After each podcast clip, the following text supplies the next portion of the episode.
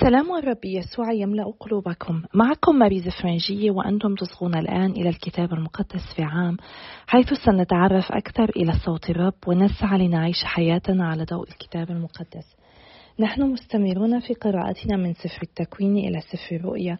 نحاول أن نكتشف قصة الخلاص وأين نحن منها. ولقد وصلنا إلى اليوم المئتين والخامس عشر.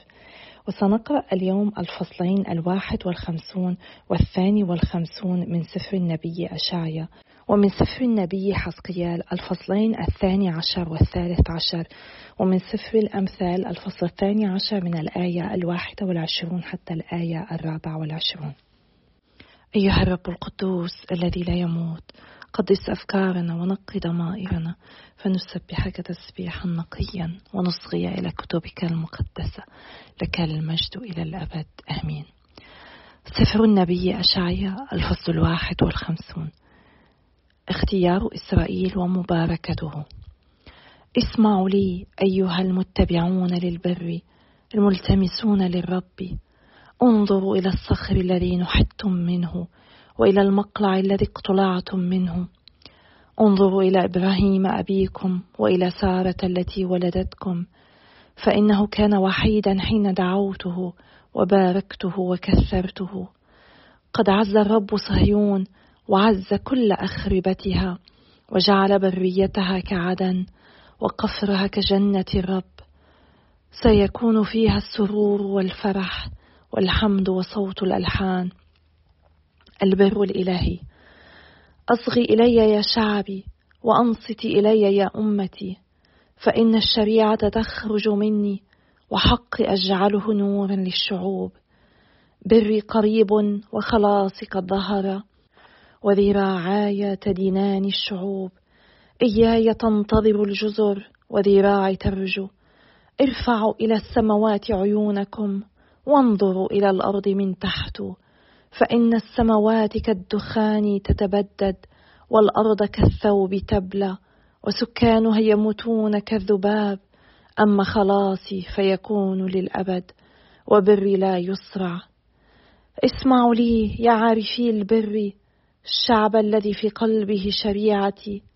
لا تخافوا إهانة الناس ومن شتائمهم لا ترتاعوا لأنه كالثوب يأكلهم العث وكالصوف يقرضهم السوس أما بري فيبقى للأبد وخلاصي إلى جيل الأجيال انتصار ذراع الحرب.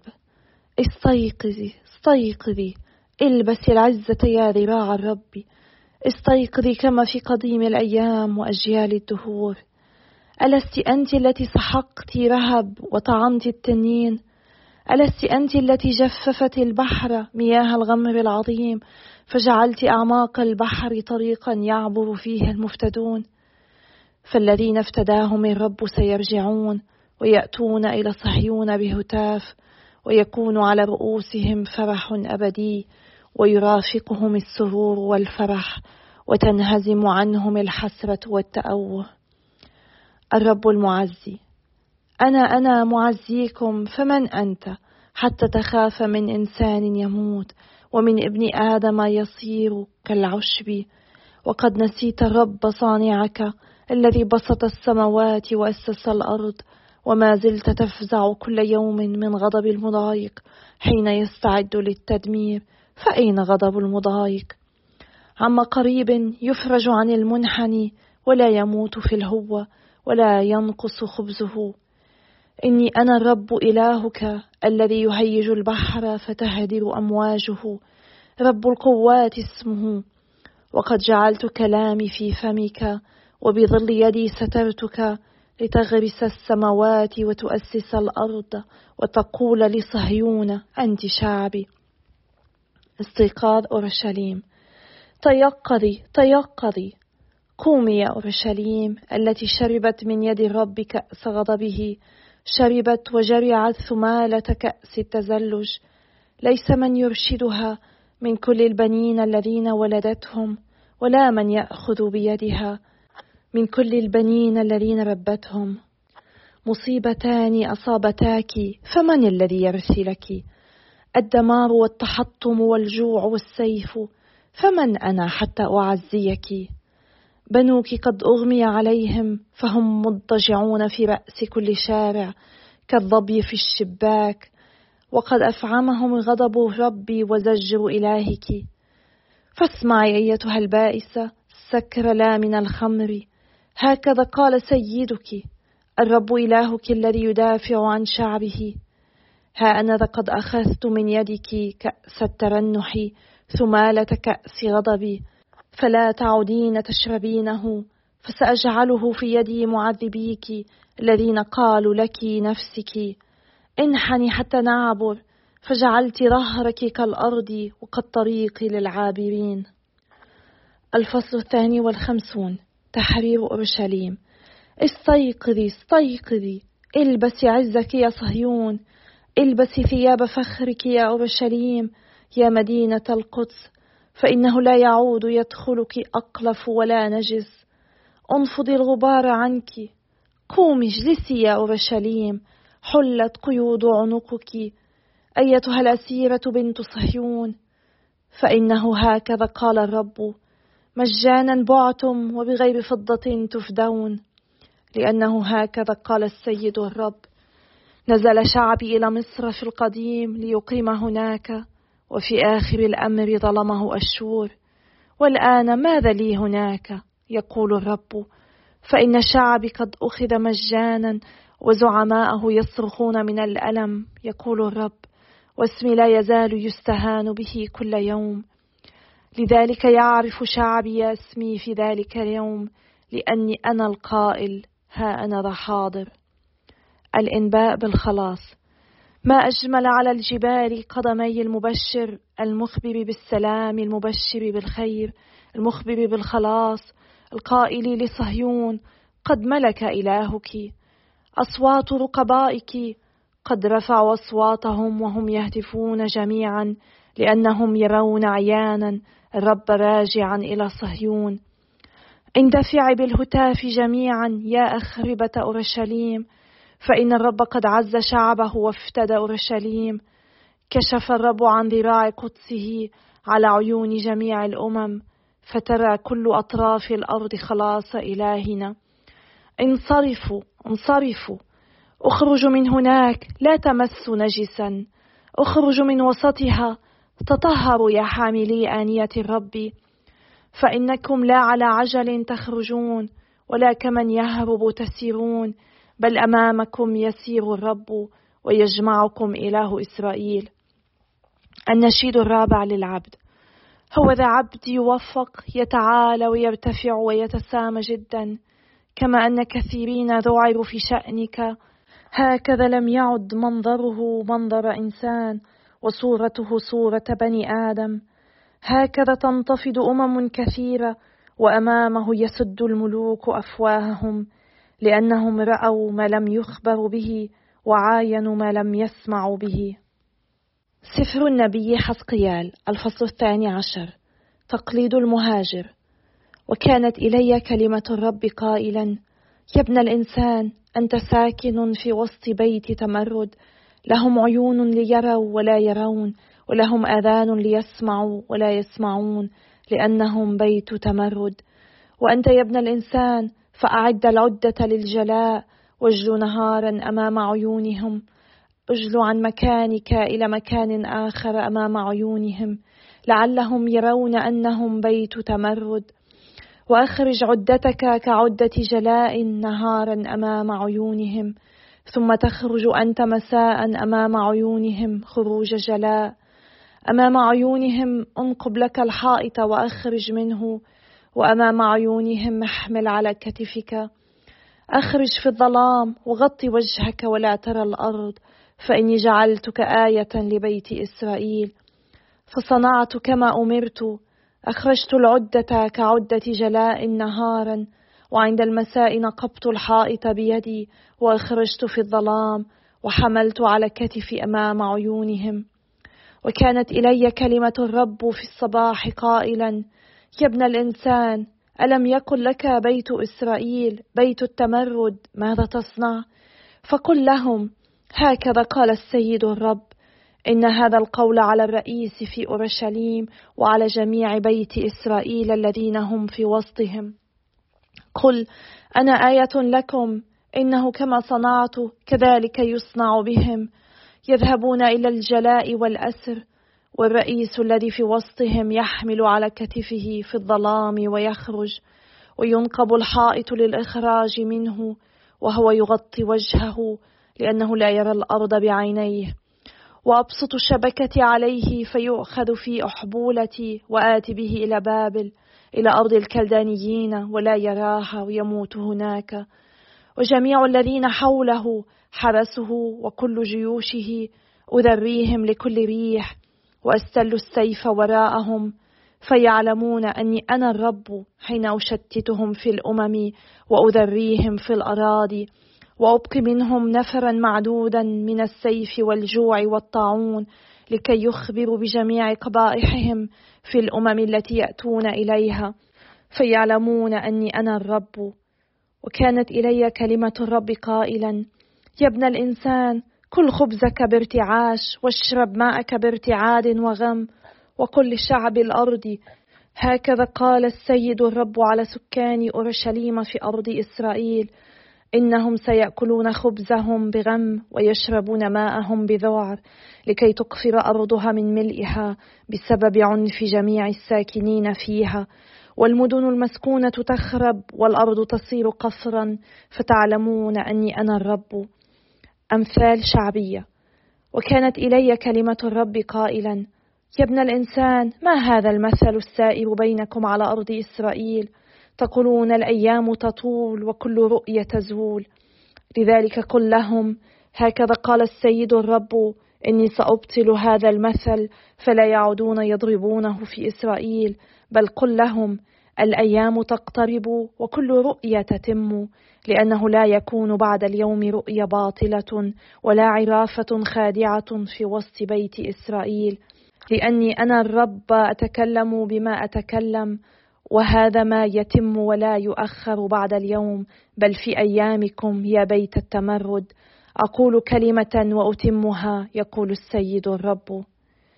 وكانت إلي كلمة الرب قائلا يا ابن الإنسان هو ذا بيت إسرائيل يقولون إن الرؤيا التي هو يراها هي إلى أيام كثيرة ونبوءته إلى أزمنة بعيدة.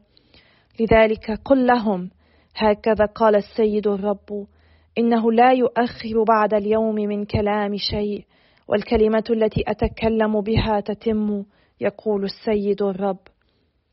الفصل الثالث عشر على الأنبياء الكذابين.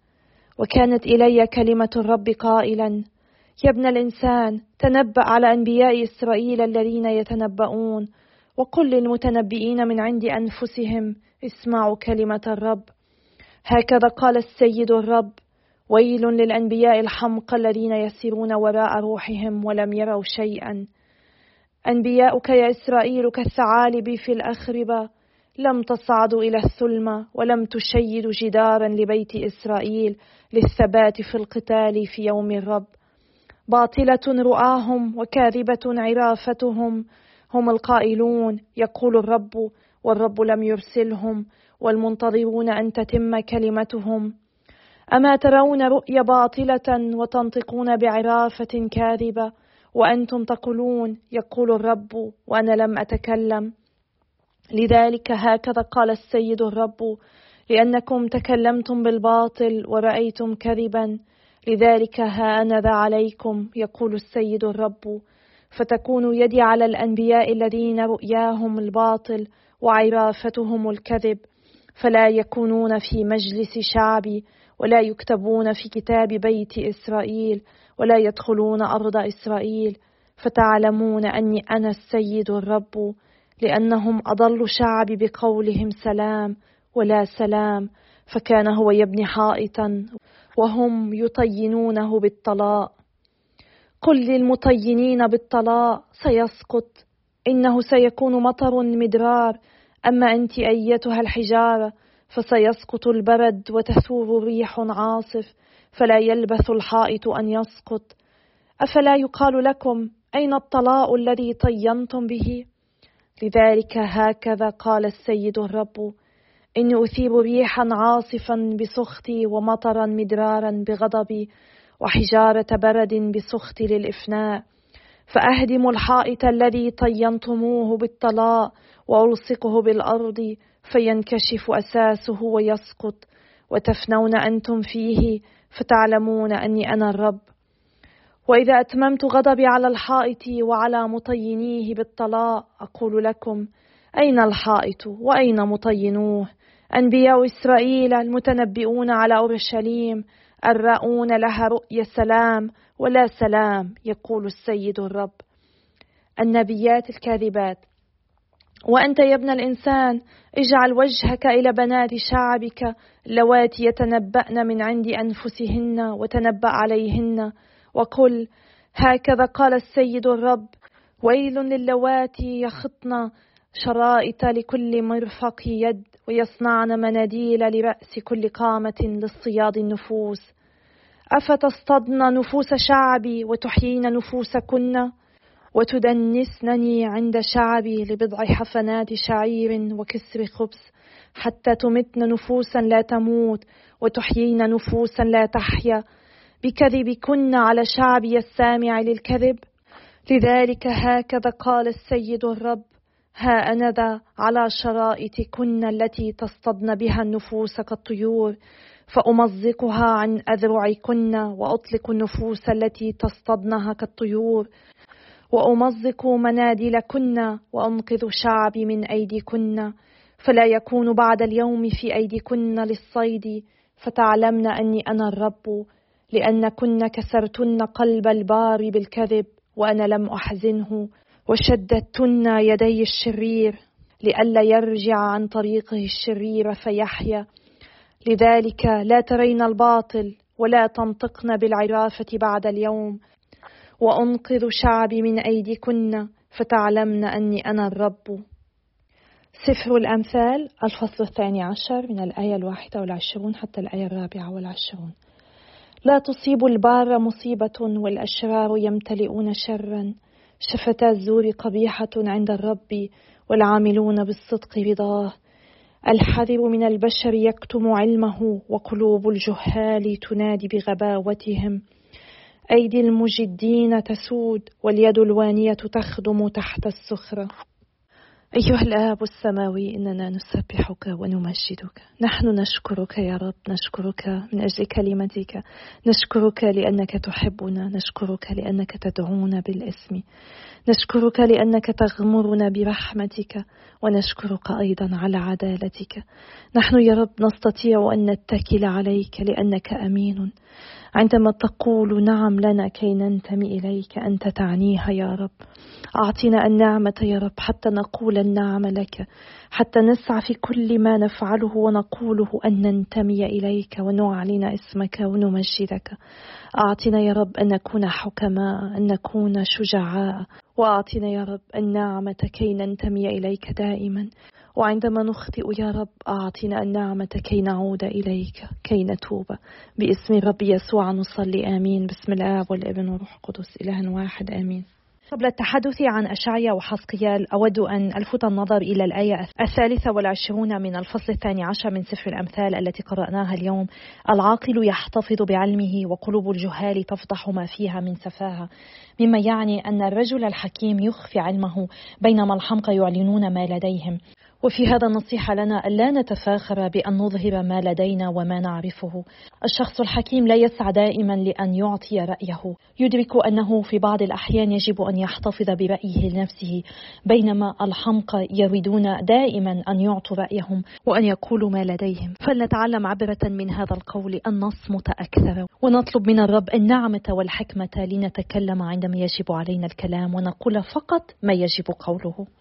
في سفر النبي أشعيا في الفصلين الواحد والخمسون والثاني والخمسون كما هي الحال دائما يكرز أشعيا بأن الدينونة والدمار سيأتيان ولكن النعمة أيضا ستأتي. سيكون هناك منفى ولكن سيكون هناك عودة من المنفى وفاد في المستقبل. كم جميلة هذه الكلمات كم هي معزية. خاصة للبقية الأمينة التي ربما شعرت بالوحدة لأنها كانت قليلة. ولكن الله ذكرها بأسلافهم أصل ميراثهم الروحي إبراهيم وسارة. لقد كان إبراهيم شخصا واحدا ولكن الكثير تحقق نتيجة أمانته. فلو أن البقية الأمينة القليلة ظلت أمينة للرب فسيتحقق نتيجة ذلك الكثير جدا. إن كنا نحن المؤمنين سواء كنا أقلية أمينة أو شعرنا بأننا أكثرية أمينة إذا ظلينا أمناء تصور ماذا يستطيع الله أن يفعل من خلالنا؟ كيف أنه يستطيع أن يستعملنا لكي يرتد البشر إليه من خلال شهادتنا من خلال محبتنا له وأمانتنا؟ إن أشعيا شجع الذين يتبعون شرائع الله. أعطاهم رجاء وهم يواجهون تعيير الناس وشتائمهم بسبب إيمانهم. ونحن أيضا يجب أن لا نخاف عندما يشتمنا الناس ويهزؤون بنا بسبب إيماننا لأن الله معنا ولا بد للحق أن يسود. مهما طال الشر إن الله أقوى من كل شيء. إذا استهزأ بك الناس أو كرهوك بسبب إيمانك بالله تذكر أنهم ليسوا ضدك أنت شخصيا بل للأسف هم ضد الله. والله هو سيتعامل معهم. وأنت عليك أن تلقي كل همك عليه وأن تهتم فقط بأن تحبه وتطيعه لا أن تسعى لإرضاء الناس. الله ذكر شعبه أنه هو معزيهم. شعب الله كان يخشى بابل وليس الله. والله ذكرهم أنه ليس عليهم أن يخشوا إنسانا فانيا أو بشرا. هم كانوا يخشون بابل لما أرادت أن توقعه بهم من أذى ولكن عليهم أن يدركوا أن قوة الله أعظم جدا من قوة بابل. بابل كانت تسعى لسبيهم أما الله فكان يسعى لتحريرهم. الشعب أخطأ في من يخافون وفي من يحبون. كان يجب على أورشليم أن تخاف قوة الله وأن تحب رحمته. الله كان يذكرهم بذلك لأنه هو سيخلصهم وهو قد دعاهم لكي يستيقظوا. استيقظي استيقظي انهضي يا أورشليم. الرب كان يدعو أورشليم مدينته المقدسة المدينة التي فيها هيكل الله. ولكن شعب يهوذا واجه الخراب عوضا عن النجاح التدمير عوضا عن الحرية. لذلك هم عانوا بسبب خطاياهم. ولكن الله وعد أن يستعيد أورشليم ويجعلها مدينة مقدسة لا يستطيع الخطأ أن يدخلوها.